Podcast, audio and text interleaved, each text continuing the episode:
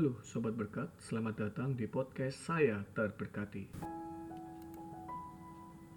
Di episode buku yang pertama ini, saya ingin berbagi berkat dan kenikmatan dari membaca buku yang berjudul Jalan untuk Mengenal Allah.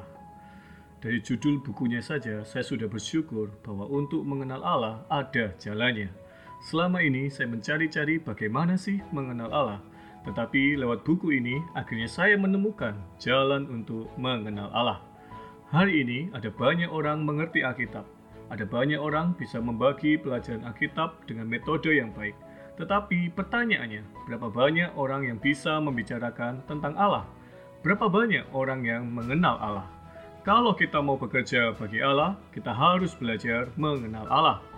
Dalam buku ini dikatakan, kalau kita mau mengenal Allah, Janganlah melewatkan begitu saja apa yang terjadi di atas diri kita, dalam keluarga kita, dan dalam lingkungan kita.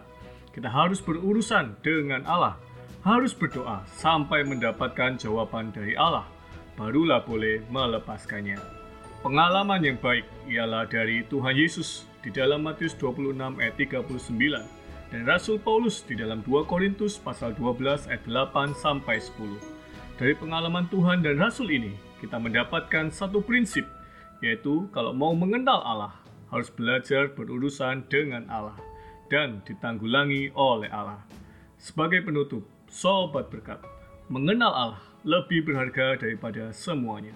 Tidak ada satu hal yang lebih berharga daripada mengenal Allah. God bless you.